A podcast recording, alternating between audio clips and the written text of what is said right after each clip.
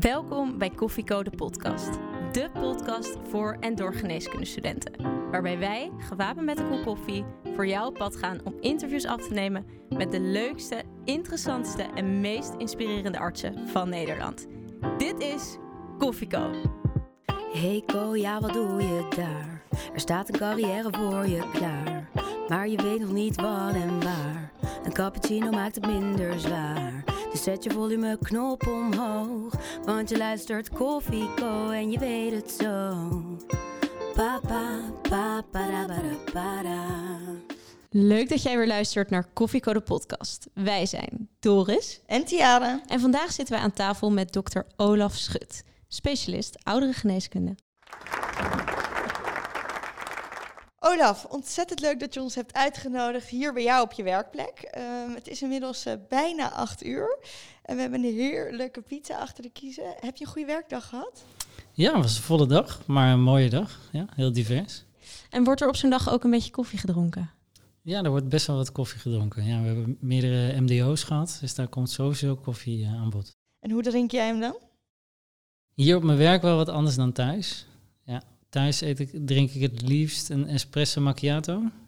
En hier op mijn werk maak ik een soort gekke mix. Dus een cappuccino en een espresso. Nou, dat is nog een goede tip, die hebben we niet eerder gehoord. Nee. Olaf, jouw patiënten zijn eigenlijk allemaal, ja, hoe zeg je dat? Oudjes. En ehm, waar ik dan meteen aan moet denken in, in relatie tot koffie, is dat mijn oma, die stopt altijd drie suikerklontjes in haar koffie. Echt veel te veel, helemaal niet gezond.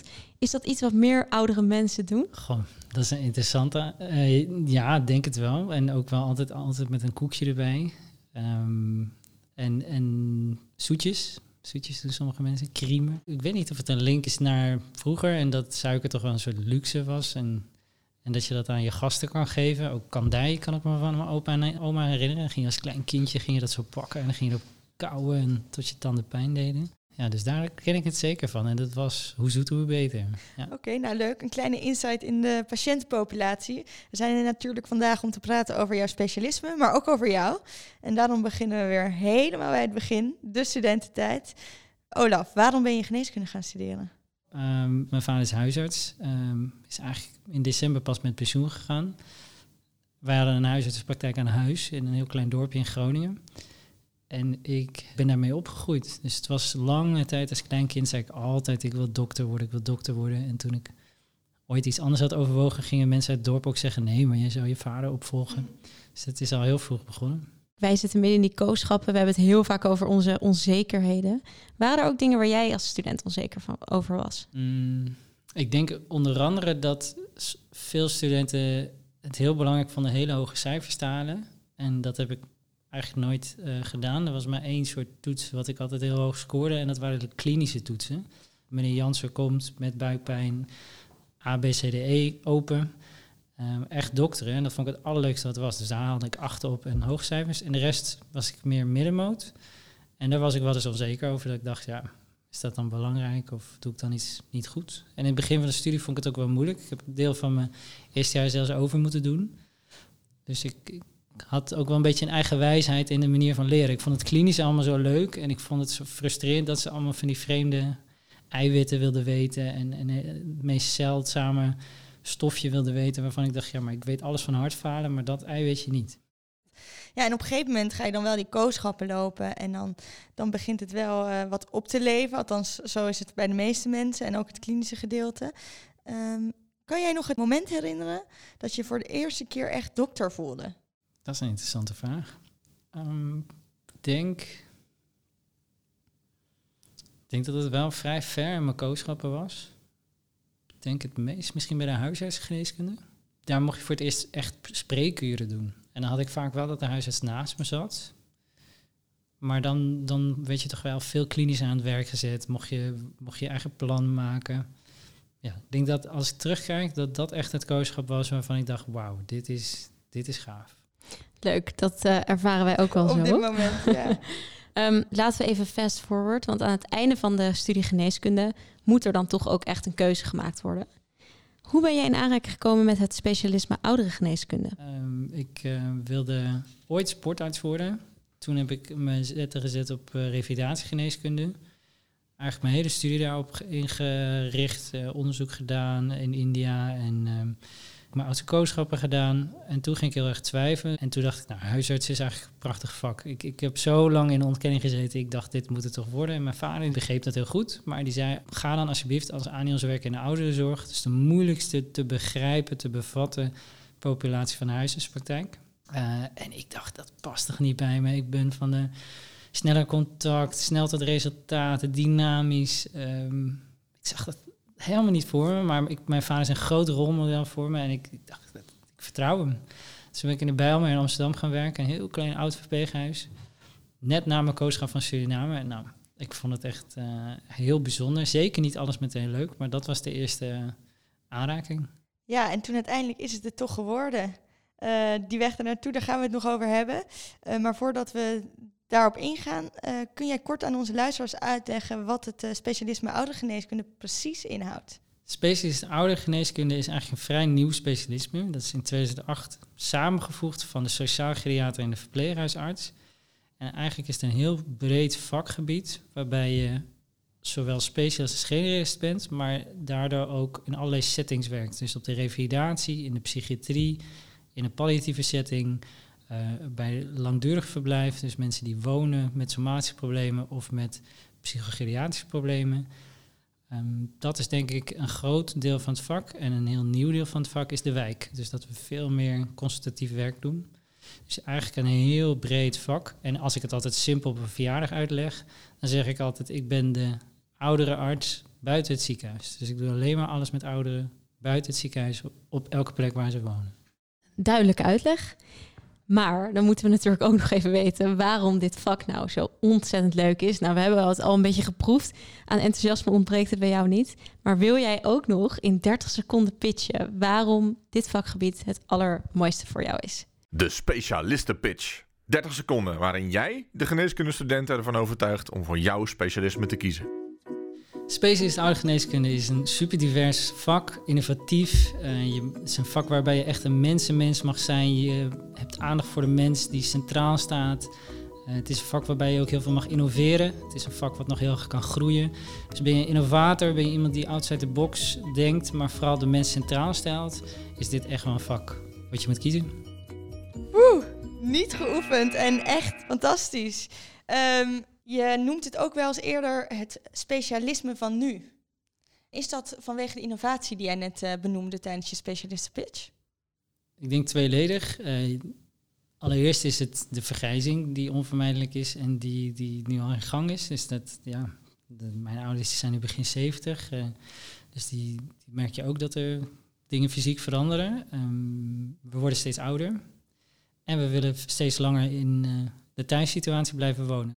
Dus elke specialist, en dat zeg ik ook tijdens het onderwijs wat ik geef, elke specialist, welke specialist je ook doet, behalve kindergeneeskunde misschien, krijgt met een oudere te maken. Dus daardoor vind ik het wel het vak van nu, maar ook het vak van de toekomst. En innovatie op het gebied dat we eigenlijk twee specialisten moesten samenvoegen. Sociaal geriater en uh, verpleeghuisarts, zoals zoveel mensen ons ook nog zien. Omdat veel wel in het verpleeghuis werken. Maar dat bestaat dus eigenlijk officieel niet meer? Nee, Sommigen voelen zich door beledigd en anderen die, die... En waarom is dat denk je een belediging dan? Nou, ik zou het niet als een belediging zien, maar ik vind het wel dat het, het niet het volledige vak omvat. Dus ik, ja, ik denk dat je als gynaecoloog ook niet alleen bevallingsdeskundige bent. Dus en je doet niet alleen bevallingen. Ik denk dat het ook wel goed is om nog één ding uit de lucht te houden. Je zei net geriater. Ik denk dat heel veel mensen zich afvragen... wat is dan het verschil tussen een geriater en een specialist ouderengeneeskunde? Ik denk dat er drie zelfs zijn om het nog complexer te maken. Het zou zelfs vier. Je hebt de, kaderarts huisarts. Dus als huisarts kun je super specialiseren in ouderenzorg. Dan heb je nog de internist oudergeneeskunde. Dat zijn internisten die gewoon zes jaar lang specialiseren. En de een wordt neuroloog, hematoloog, oncoloog. En dan kan je ook oudergeneeskunde doen. Dus dat is eigenlijk dan je superspecialisatie. En dan heb je nog de klinisch geriaters.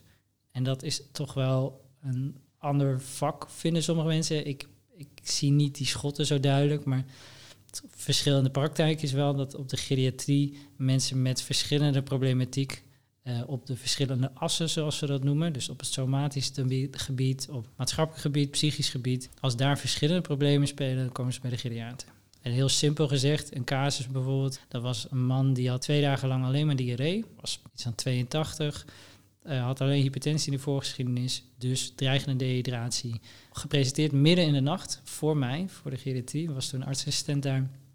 En uh, die heb ik toen willen opnemen, maar ik was verward. Moest hij bij ons of moest hij bij de interne? En uiteindelijk na discussie kwam hij dus op de interne, omdat het een, ja, een eenvoudig probleem is, puur op het gebied van de dehydratie.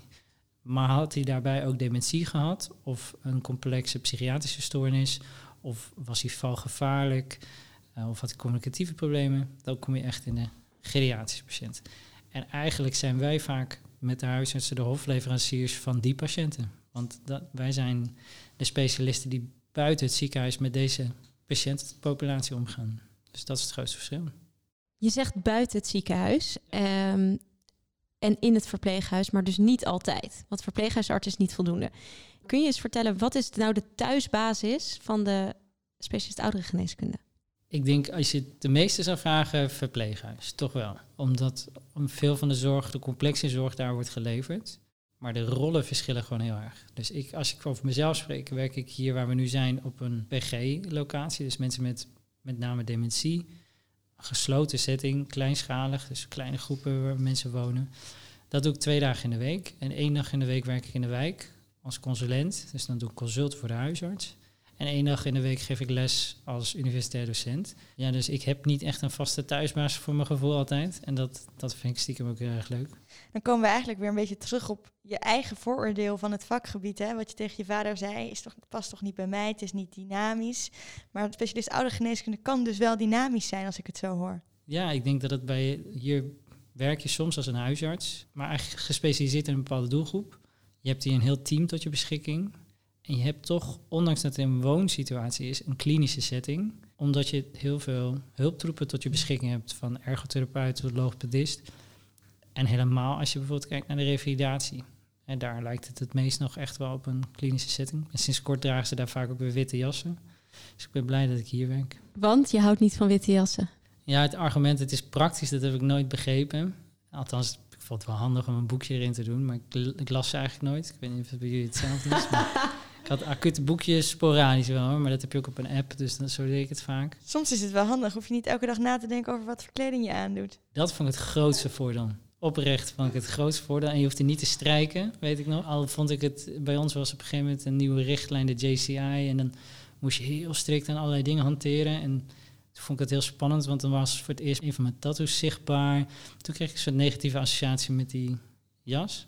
En ik vind het een soort plastisch, een soort onnatuurlijk iets. En vooral bij mensen met dementie. Dus ik ben heel blij dat ik hem uh, symbolisch heb, aan de wilg heb mogen hangen in februari dit jaar. Ja. We hebben het nu al even over een heel belangrijk ziektebeeld voor jouw patiëntpopulatie, namelijk dementie. Het lijkt me toch lastig als dokter om zoveel demente patiënten te hebben. Hoe is dat? Ja, ik zou hem bijna willen terugspelen van wat, wat lijkt je dan lastig? Maar ja, ik, ik, heb, ik was het ook niet gewend. Ik, ik weet. Ja, nou, ik, wil, ik wil natuurlijk wel zeggen, het is lastig met bijvoorbeeld een anamnese. Ja, kan. Het is ook deels een aanname. Wat ik heel vaak merk is als het op een brief staat, uh, of bij een SNH-presentatie, dat eigenlijk in de gedachte al meteen wordt gedacht: ik hoop dat een van de kinderen mee is. He, van, want ik kan waarschijnlijk niet in gesprek gaan met. En dat is denk ik een hele grote valkuil, die ik co-assistenten vooral als tip meegeef van als als het op een brief staat, of dat nou een persoonlijkheidsstoornis is, wat, ga er altijd blanco in. Dementie is bij geen enkel persoon hetzelfde. Uh, je kan iemand hebben met semantische dementie, ja, dan speelt taal een heel groot probleem en een groot dilemma. Maar je hebt ook mensen met vasculaire dementie. En heel typisch daarin is dat het heel wisselend beloop is. Soms kan je ze super scherp treffen op de SH. En, en klopt het verhaal niet met wat je van de huisarts hoorde. En ook uit respect, al kan iemand alleen nog aangeven met wijzen van waar iemand pijn heeft. Begin altijd bij de patiënt. Ik kan me ook voorstellen dat je ook patiënten hebt waar je dus echt geen gesprek mee kan voeren. Uh, hoe doe je dat dan? Ja, de grootste uitdaging is denk ik toch wel dat je moet omgaan met onzekerheden, dat je het niet altijd zeker weet, maar dat het soms ook deels interpreteren is van wat je ziet. En je gaat dus veel klinischer werken. En als je iemand het nou niet kan bewoorden, ga je veel meer op het non-verbale in. Dus als je op de buik palpeert bij je lichamelijk onderzoek, kijk je of de patiënt fronst. Kijk je of ze je hand proberen weg te duwen. En we zetten daar ook veel meer observatieschalen in en metingslijsten, uh, wat meer op observatie gericht is. Oké, en, en dementie is één van de ziektebeelden die je tegenkomt. Uh, wat kom je nog meer veel tegen? Eigenlijk alles. Je kan het niet benoemen en je ziet het wel. Uh, wat denk ik heel typerend is, is heel veel eindstadia van ziektebeelden. Dus wij zeggen wel eens van, wij zien meer eindstadium hartfalen dan een cardioloog. Omdat die op een gegeven moment daar wordt ontslagen. Ook tijdens de geriatrie toen werd ik in consult gevraagd door een artsassistent van de cardio, uh, waar we bij een patiënt al liepen, omdat hij heel ernstig delirant was, terminal hartfalen. En die zei, deze patiënt is ontslagklaar, wil je nog even meedenken? En ik liep naar die vrouw en ik zag een vrouw die stervende was. Ik schrok me kapot. En toevallig was hij een jaargenoot van mij. En ik zei tegen hem, deze vrouw is stervende. Ik denk dat jij een heel ander beleid in moet zetten. Met name moet denken, ga je hier palliatieve zorg bieden of nog thuis? En hij schrok en raakte helemaal in paniek, was net op de cardio begonnen, had nog nooit zo'n gesprek gedaan. En toen heb ik dat hele gesprek met hem doorlopen, want hij wilde dat ik het deed. En toen heb ik gezegd van nee, maar dit gesprek moeten wij allemaal als dokter kunnen om te praten over die fase. En dat was ook een oudere patiënt in een acute setting. Maar we zien ook, we hebben speciale ALS-units in Nederland. We hebben in het noorden van het land uh, plekken waar mensen wonen met Huntington. We hebben in een deel van het land uh, waar mensen worden met Korsakoff. Het is ontzettend divers, maar ik zie ook mensen met schimmeltenen. En ik zie ook uh, vandaag nog werd ik gevraagd en het was dan ateroonkiestin. Die behandel je ook zelf? Zoveel mogelijk wel. Ook hier specifiek weekwerk, omdat het anders te belastend is. Klinkt een beetje als een huisarts als ik het zo hoor. Ja, dus ik denk dat als ik heel persoonlijk naar mezelf kijk, is de keuze achteraf gezien zo logisch.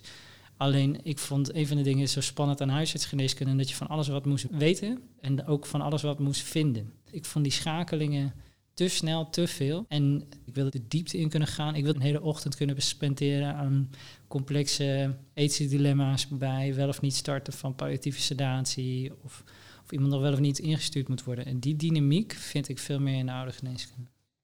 Nu zeg je eigenlijk wel iets interessants waar ik ook heel vaak tegenaan loop. En dat is de tijd die je hebt voor een patiënt. Zowel in het ziekenhuis als bij de huisarts. Het is gewoon, de wachtkamer zit vol, zeg maar. Je moet doorwerken. Hoe is dat hier?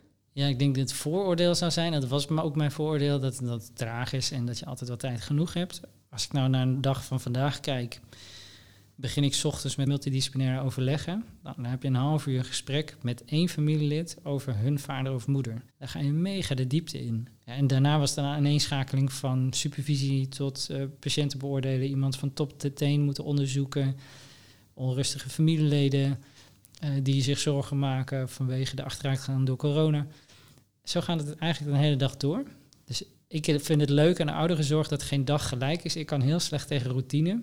En dat was bij de huisartsgeneeskunde ook. Ik wist dat er altijd een spreekuur zou zijn. Ik vond de polies op de kooschap ook altijd het minst leuke.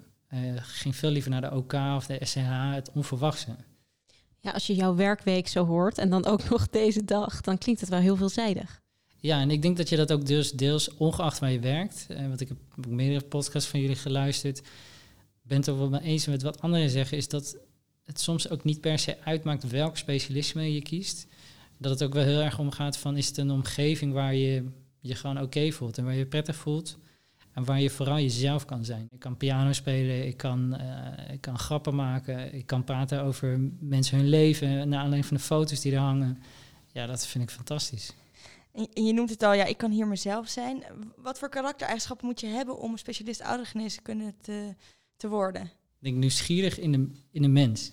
Als je niet altijd bezig bent met alleen maar zoeken naar wat is nou de link achter die klacht, maar ook dat je eerst de mens centraal zet. En dat klinkt soms een beetje zweverig, maar eigenlijk als je het merkt in de praktijk is dat het allerleukste wat er is. Nu ga ik echt een hele open deur intrappen, maar we moeten het gevraagd hebben. Mis je niet wel eens een jonge patiënt? Gewoon een patiënt van je eigen leeftijd. Of een kind, desnoods. Nou, ik ben sinds kort voor de tweede keer vader geworden. Dus uh, kinderen word ik uh, door omsingeld. Gefeliciteerd. Dankjewel. Uh, als dokter, kinderen niet. Nee, dat heb ik altijd heel leuk gevonden. Maar wat ik heel lastig had vond, was dat je heel veel met de ouders te maken had en niet met het kind. Maar op zich de adolescenten wel. Dat, dat, dat had ik wel. Ik denk dat ik dat wel goed had gekund. En dan bijvoorbeeld binnen psychiatrie. Maar je ziet die adolescenten al wel hier als dochters en zoons van de patiënten. Ja, dus ik zeg ook tijdens het onderwijs wat ik geef op de VU, dan vraag ik wel eens wat we worden en zeggen ze ja, kinderarts. Ik zeg zo, ja, snap ik dat je een beetje twijfelt, maar ik zei, wat, wat is hetgene wat je veel moet doen bij de kindergeneeskunde? Ja, veel familiegesprekken en toch wel complex over diagnoses. Ik zeg, ja, dat is hetgene wat wij ook doen. Alleen in plaats van dat hè, de patiënt een kind is, is het vaak een ouder en zijn die rollen omgedraaid. En dan spreek je inderdaad ook met jongere mensen. En dan spreek je soms met een leeftijdsgenoot wiens vader of moeder heel jong al dementerend is. Ik denk dat dat op die manier, dat ik daardoor het niet mis. Misschien een rare vraag, maar we hebben het nu over het contrast uh, jong en oud. Bij kinderen is er natuurlijk een enorme ja, druk op je. En als een kind ziek wordt, dan ja, die is nog aan het begin van hun leven, dus dat weegt wel zwaar. Um, bij ouderen is dat natuurlijk vaak wel wat anders. Maakt dat soms je maken van beslissingen makkelijker? Soms wel. Dat je sneller door hebt dat het past bij het laatste stuk van hun leven. Bijvoorbeeld de klassieker, de, de is old man's best friend. Dat gebruik je als, als argument van, goh, stel je wel eens vragen aan de familie van wat zou voor u een acceptabele reden zijn om waaraan uw vader wel aan mag overlijden. En dan zeggen ze soms een longontsteking dan is de keuze maken om daar niet voor een IV-behandeling in het ziekenhuis te, te geven of wel of niet in te sturen logischer. Ik vind het ook wel een valkuil soms. Hè, dat het te makkelijk gedacht wordt, oh die persoon is 90, die zal wel niet meer ingestuurd hoeven worden. Ik heb echt, ik heb een vrouw van 90 gerevalideerd na een heupoperatie. Ja, kan ook. En, en die, die, was super kwiek en deed nog heel veel. Ik denk dat je een soort vooroordeel in je hoofd hebt dat als iemand vooral boven de 90 is, dat iemand echt stok oud is. Ja, zeker. Mijn, mijn vocabulaire is ook anders geworden. Ik zeg nu wel eens dat iemand die van 70 is heel, heel jong is. Ja, ja, dat ehm, begrijp ik wel. En, en ik heb ook te maken met mensen die boven de 100 zijn. Dus uh, ja, dat wordt wat relatief. Wat was je oudste patiënt ooit? Goeie vraag. Nou, ik denk wel iets van 105 of zo, maar dat was dan tijdens een dienst. Ja, en hier wonen ook mensen van, van uh, eh, 100 of iets ouder. En wat is dan je jongste patiënt ooit? In de oudergeneeskunde, ja, dat, daar schrok ik wel van. Volgens mij echt in de 40 of zo. Het was een vrouw die was Jehovah's getuige en die kwam uit Afrika. En die lag al jarenlang in niet een comateuze toestand, maar het stadium daarna. En dus ze had haar ogen wel open, maar ze kon helemaal niks. Ze had uh, multiple infarcten gehad en ze was volledig zonder voeding afhankelijk. En ze kon eigenlijk alleen haar ogen knipperen en een beetje haar hoofd bewegen. Dat was een relatief jonge vrouw. Maar waarom komen die dan bij de specialist oudergeneeskunde? Dat snap ik even niet. Uh, wat je nu wel eens ziet, is dat kleinschalige hospices uh, vaak gerund worden door een huisarts. Maar omdat de zorg steeds complexer wordt, ze ook vaker vaste specialist oudergeneeskunde in dienst hebben. Maar het interessante is dat denk ik heel veel mensen in de war zijn met het oudere geneeskunde term, omdat wij kijken meer naar de biologische leeftijd. Vandaag ook nog in het MDO was een man van 72 die besproken werd. En toen zei zijn echtgenoot van, uh, ja, het is toch wel gek, hij is heel erg achteruit gegaan. Ik zei, ja, maar biologisch gezien is hij niet 72. Dus wij hebben in beide kanten te maken met daardoor wat jongere mensen op papier. Maar die zijn biologisch door de ziektebeelden die ze hebben gehad, dat nou een ernstige neurotrauma is of een ander ziektebeeld, MS, ALS, maakt het dat mensen sneller ouder worden. De co-telefoon. Ja, de co-telefoon die gaat altijd op momenten dat, je, uh, dat het niet uitkomt. Um, en het is altijd een vraag ingestuurd door een van onze luisteraars. Deze vraag komt van Christel, laagstreepje 02. En die vraagt zich af... Klopt het dat het bij deze populatie vaak draait om levensrekken in plaats van levensredden? Mooie vraag, Christel, dankjewel. Ja, dat is een interessante vraag. Ik denk dat het uh, een van de vooroordelen, denk ik wel, is ook van de ouderenzorg. Ik denk dat, dat het levensrekkende behandelen vaker bij jongere mensen gebeurt. En dat kan dus ook bij onze patiënten zijn. Maar dat wij wel heel erg waken voor of dat nog kwaliteit is van leven. Dus daar heel erg kritische vragen over zullen stellen en over kijken van is het op dit moment nog juist de behandeling voor deze patiënt. Dat, dat zou je ook bijna in die pitch kunnen zeggen, is dat, dat wij ook heel erg kijken als dokter in de ouderenzorg naar wat is nog zinvol. Ik vind het heel maf dat als je zes jaar lang over curatief dokteren leert, hè, er is een klacht, is een bepaald patroon, het zal een bepaalde diagnose zijn en weet een behandeling. En het liefst sluiten we hem succesvol af even gechargeerd, maar dat is heel veel van ons vak. dan is het heel verwarrend om te bedenken dat er soms een niet bekende diagnose is. En dat je toch ziet dat iemand overlijdt en dat je niet weet waaraan. Of dat je zegt, ik kies ervoor om niet meer verder te behandelen, niet meer in te sturen. Dat gaat helemaal tegen je DNA in van hoe je bent geprogrammeerd zes jaar lang. En juist dat vind ik zo interessant. Hoe leer je dat? Door te doen. En door ook te ontdekken hoe het voor jezelf is. Want het kan ook wel eens onzeker zijn. En ook ik heb wel eens dat als iemand overlijdt, dat ik denk, hmm, wat zou het nou zijn? Bij de Gerrit werden heel vaak obducties gedaan. Heel leerzaam, maar ik vond het ook heel dubbel. Dat ik dat gesprek aan moest gaan met de familielid om te zeggen, ja, wij, kunnen er heel erg van gaan leren voor de toekomst. Maar dat ik toch wel dacht van ja, is, is dit nou een, een waardig einde om nu nog dit te gaan doen? Ehm, dus, en ook, ook of het behandelen tot dat laatste moment, toch nog een infuus, toch nog een scan, toch nog een lapje. En dat, dat vond ik wel uh, bij met name de acute beroepen in het ziekenhuis heel moeilijk. We hebben het nu eigenlijk over de laatste levensfase en de begeleiding daarin. En de keuzes die nou ja, je als specialist oudere geneeskunde ook maakt. In samenspraak met de familie en de patiënt. En hoe oud ben je nou? 34? 33. Ja. Hoe kun je daar nou iemand goed in begeleiden als je zelf nog zo jong bent en nog nooit bent geconfronteerd met misschien wel de eindigheid van het leven, hoe, hoe doe je dat? Ja, dat is een hele goede vraag. Als ik hem eerst heel praktisch zou beantwoorden, is het deels ook heel veel leren van mijn supervisoren. Um, en ook gewoon vlieguren maken. Ik kan iedereen aanraden, ga minstens 1 à 2 jaar basisarts worden. Doe het het liefst in een niet logisch beroep. Dus kies niet voor de standaard routes. En dan leer je vaak ook heel erg uh, hoe het is om niet alleen klassiek te dokteren zoals je in je geneeskunde hebt geleerd. En ook om te gaan met hoe is het nou om dat soort keuzes te maken. Voor het eerst palliatieve pijnstilling of sedatie te starten of voor het eerst je schouw te doen. Vond ik heel bijzonder om mee te maken. Maar ja. Je maakt ongeveer een van de meest intense momenten in iemands leven mee. Uh, en van familie. Uh, wat doet dat met jouzelf op zo'n moment?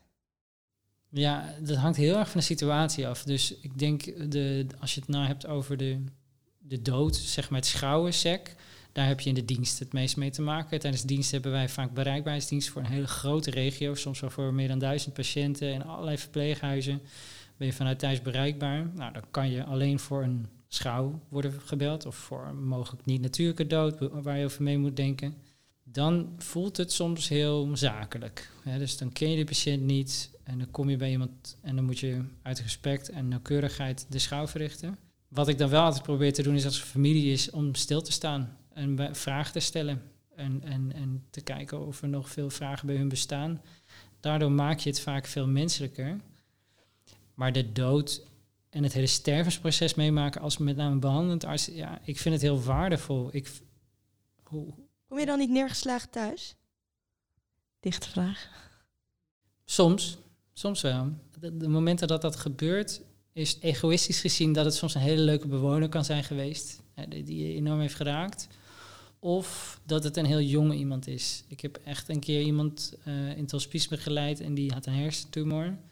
Die was er al drie maanden lang. En ik heb tijdens mijn keuzestage waren er geen dokters gewend. Dus ik heb heel veel in de zorg daar ook gewerkt. En ik wilde eigenlijk de palliatieve zorg echt voelen. Gewoon echt letterlijk voelen hoe het was om iemand die stervende was ook te verzorgen had een beetje een dubbele rol. En die jongen was net zo oud als ik. Ik had hem kunnen zijn. En op de vrijdag was ik nog heel druk bezig met een nieuwe woonplek te regelen. Want hij zou eigenlijk zijn termijn van hospice overleven. Dus misschien zou hij toch nog een tijdje op een andere plek kunnen wonen. Dus ik had al een plek gevonden aan het water met activiteiten voor jonge mensen. En toen kwam ik de maandag, en dat is ook herkenbaar voor basisartsen, denk ik. Um, toen was hij overleden. De eerste reactie in mijn hoofd was van, hé, hey, maar dat kan toch niet? Want hij was er vrijdag nog. En dat hebben baasartsen ook vaak, uh, dat ze nog heel erg in een actieve mode zaten. En ik vergat daarbij echt wel dat deze man heel ernstig ziek was. Dat is wel denk ik een van de momenten die me het zwaarst heeft geraakt. Dat ik echt, echt dagen, zo niet wekenlang aan hem heb teruggedacht. Dat het triest is dat je zo jong moet sterven. Wow. Ik vind het eigenlijk heel interessant hoe je dit verhaal begon met... Ik wilde graag in het hospice werken, want ik wilde palliatieve sedatie echt voelen. En denk ik, wow, de meeste mensen die blijf er graag ver van weg. Die willen dat helemaal niet voelen. En jij wilde dat graag voelen. Hoezo was dat zo belangrijk voor je als specialist oudere geneeskunde of als mens? Ja, dus het korte antwoord op het specialist oudere geneeskunde is omdat ik denk dat een groot deel van ons vak toch ook wel palliatieve zorg is. Het persoonlijke antwoord is, is dat ik als kind eigenlijk heel erg bang was voor de dood. Eh, en ik heb ooit mijn eerste schouw achteraf gezi- gezien verricht bij mijn opa toen ik acht jaar was. En toen heb ik hem overleden getroffen. En terugkijkend naar mijn volwassen leven heeft dat echt wel een enorme impact gehad. Dat je soms een film kijkt, waar op andere momenten ineens geraakt wordt door een soort benauwdheidsgevoel. En dat je denkt, hoe, straks ben ik er niet meer. Zie ik mijn kinderen niet opgroeien? Of kan ik dit vak niet meer doen? Of niet meer gesprek hebben met inspirerende, aanstormende dokters? Dus daardoor denk ik, en misschien is dat heel spiritueel gedacht, dat dit vak mij ook wel eens heeft gekozen. Zeg maar. Dat is eigenlijk hetgene waar ik zo bang voor was. Begeleid ik mensen nu dagelijks mee. En daardoor vind ik het, is het echt voor mij een roeping geworden. Wauw, mooi hoe dat eh, cirkeltje toch rond eh, komt. We hebben het nu over de hele zware momenten. Maar als ik terugkijk naar mijn eh kooschap geriatrie, heb ik toch ook wel heel veel gekke momenten meegemaakt. Wat zijn de gekste dingen die jij eh, ooit hebt meegemaakt? Ja, het gekste dingen als in niet alleen... Ik heb ook echt heel veel komische dingen meegemaakt. Hoor, maar iets- wat ik een heel, heel apart voorbeeld vind... is bijvoorbeeld... Ik zat heel serieus in een eh, gedragsanalyse van een complexe patiënt... eh, van een bewoner hier met medicatieaanpassingen, noem maar op. En opeens, out of the blue, komt er een bewoner naast mij zitten... en hij zegt, heb je het al gezien? Weet je waar het is? En ik zeg, ik zeg waar heb je het over? En hij zegt ze, ja, ja. En, en, en langzaamaan begreep ik een beetje waar het naartoe ging. Het ging over autoracen. En ik, en ik ben geen autorace fan, dus uh, collega's zeiden, ja, Formule 1, dat is gisteren geweest. Oh, Max Verstappen, ja, ja. Hij keek me echt aan van, joh, Tombo, dat weet je toch? Uh, dus ik ging snel, want ik zat op mijn computertje uh, opzoeken, uitslag van, uh, van de Formule 1. Toen was hij tweede geworden. Ik zei, nou, fantastisch joh, die Max Verstappen, nou, doet het beter dan zijn vader. Hè? Hij vindt minder de grindbak. En uiteindelijk superveel gelachen, vond hij fantastisch. Hij kwam heel intens binnen en hij ging met een grote smaal weg. En ik ging weer verder met de serieuze analyse, maar met veel meer plezier. Ja, en zo is het een hele dag wat zo gek kan verlopen. Of dat nou van... Uh, we hebben hier sinds kort een activiteitsbegeleider die heeft zelf kippetjes gekweekt. Echt vanuit een ei tot echt een kip. Um, daar komen echt bewoners op af. En uh, dan kunnen ze op een moment heel boos zijn en zeg je maar... hé, hey, uh, Pietje, fictieve naam, maar heb je wel eens de, de kippen gezien? Ja, even kippen, kippen, wat nou kippen? En dan neem je ze ermee naartoe en dan gaan ze ineens heel erg lachen over die kippen. En dan heb je ineens een hele andere uh, situatie waar je in je ziekenhuis toch sneller geneigd bent misschien naar medicatie of interventies of helaas ook heel vaak fixatie. Zie je dat hier niet? He, zie je dat veel minder? Dus dat vind ik echt, ja, ik vind het, ik, ik lach bijna elke dag. Heb je een uh, favoriet plekje hier in het verpleeghuis? Het zijn denk ik twee plekken. Eén is buiten, gek genoeg. Dus ik vind het heel fijn om ook af en toe buiten te lopen. En twee is uh, achter de piano. Ja? Want je speelt ook piano. Ja, dat mag geen naam hebben, denk ik hoor. Dus niet dat ik allemaal verzoekjes krijg ineens. Komen er dan wel eens uh, uh, bewoners naast zitten of spelen die ook wel eens met je mee? Ja, ja meespelen heb ik nog niet meegemaakt. Ik denk, mijn werk komt heel vaak allerlei grote contrasten voor. Dus ik heb meegemaakt dat, dat een, een bewoner een kopstoot had gegeven, helaas aan een collega. En ik kwam daar een heftige escalatie en er moest noodmedicatie ingezet worden. En het was een bewoner van mij, super triest. En het andere contrast was dat ik hem weg heb gehaald. Um, hij was heel apraktisch, dus hij werd heel boos van dat hij niet begreep hoe hij zijn jas aan moest doen. Het was middenwinter. En dat verpleeghuis had een uh, passage waar een grote vleugel stond. Intuïtief, geen idee waarom, dacht ik, ik ga achter die piano zitten. Wist in mijn achterhoofd dat hij een kerkkoor had gezeten. Ging een improvisatie spelen. Nou, ik ben echt geen geschoolde pianist, maar ik ging gewoon wat spelen. En out of the blue ging hij keihard meezingen, uh, zonder tekst, maar gewoon op zijn manier. En tranen biggelden over zijn wangen heen. En zo hebben we daar een kwartier lang gespeeld. En ik, ja, ik, ik raak nog emotioneel als ik aan denk. En daarna was hij super rustig en zijn we de wijk doorgelopen, grapjes gemaakt. En toen is hij teruggegaan naar zijn woning. En dat contrast, dat soort momenten doet mij herinneren waarom ik denk, dit is zo'n uniek vak. Ja, dat, dat doe ik het liefst. Ik doe zoveel liever dat soort momenten dan dat ik een pil voorschrijf. Het is echt een geweldig verhaal. Ja, muziek als medicijn. Weet je, dat, het is zo stom dat ik dit dan nu zeg, maar het is toch iets wat bij me opkomt. Maar ik heb ook wel eens bijvoorbeeld met mijn oma die zwaar dement is, dat ik een mooi moment meemaak.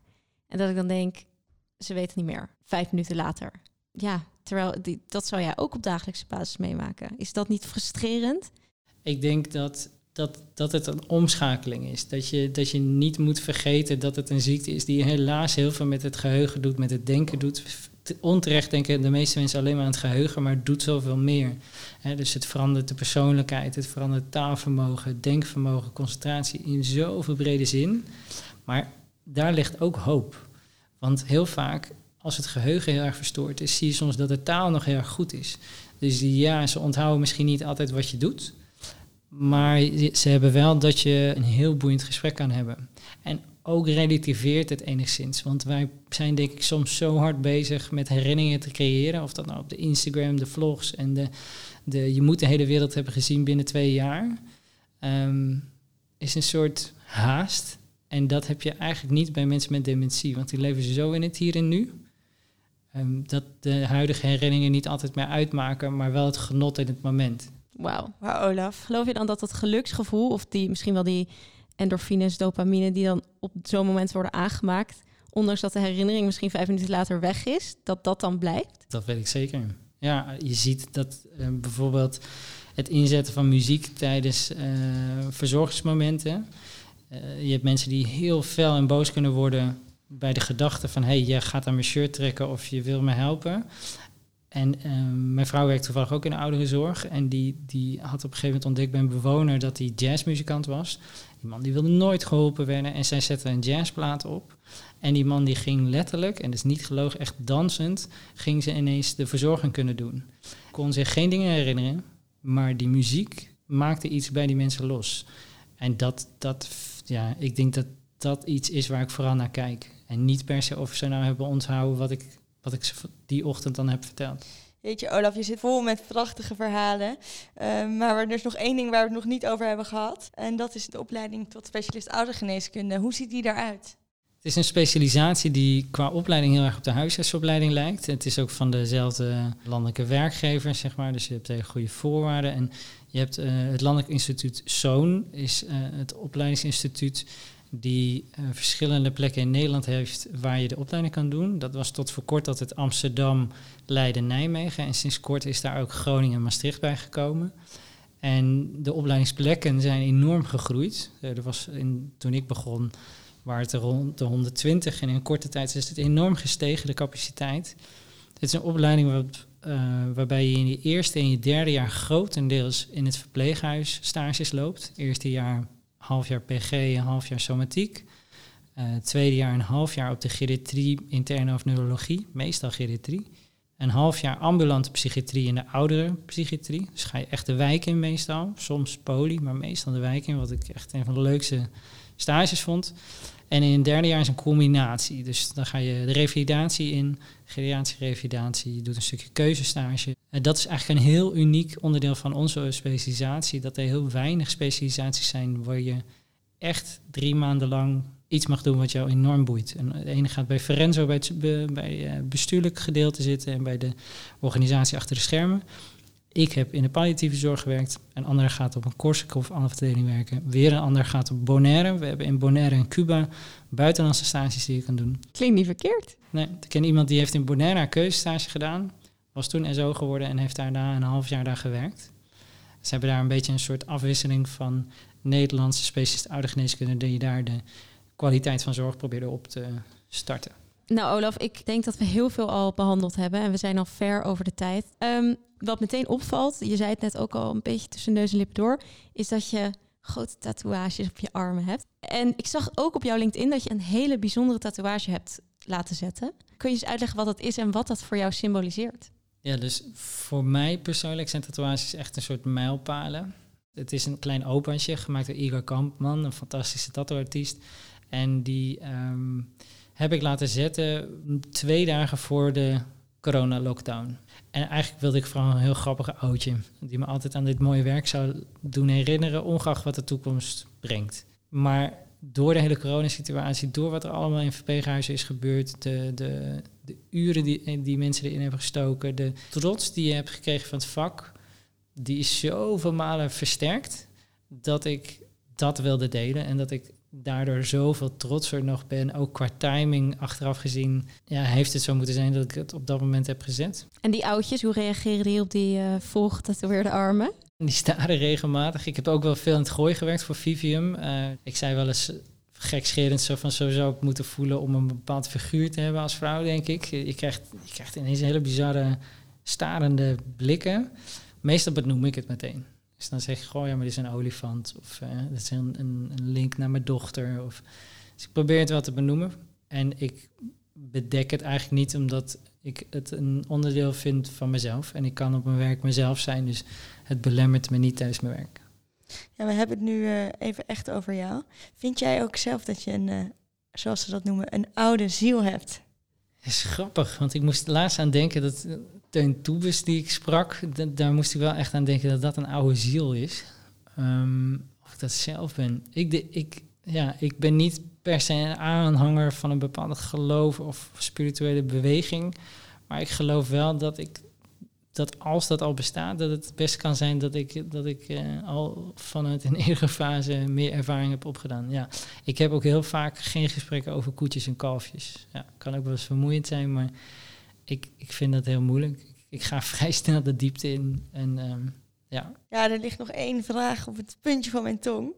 Uh, ondanks de tijd. Je hebt nu zoveel mensen gezien van allemaal verschillende soorten leeftijden.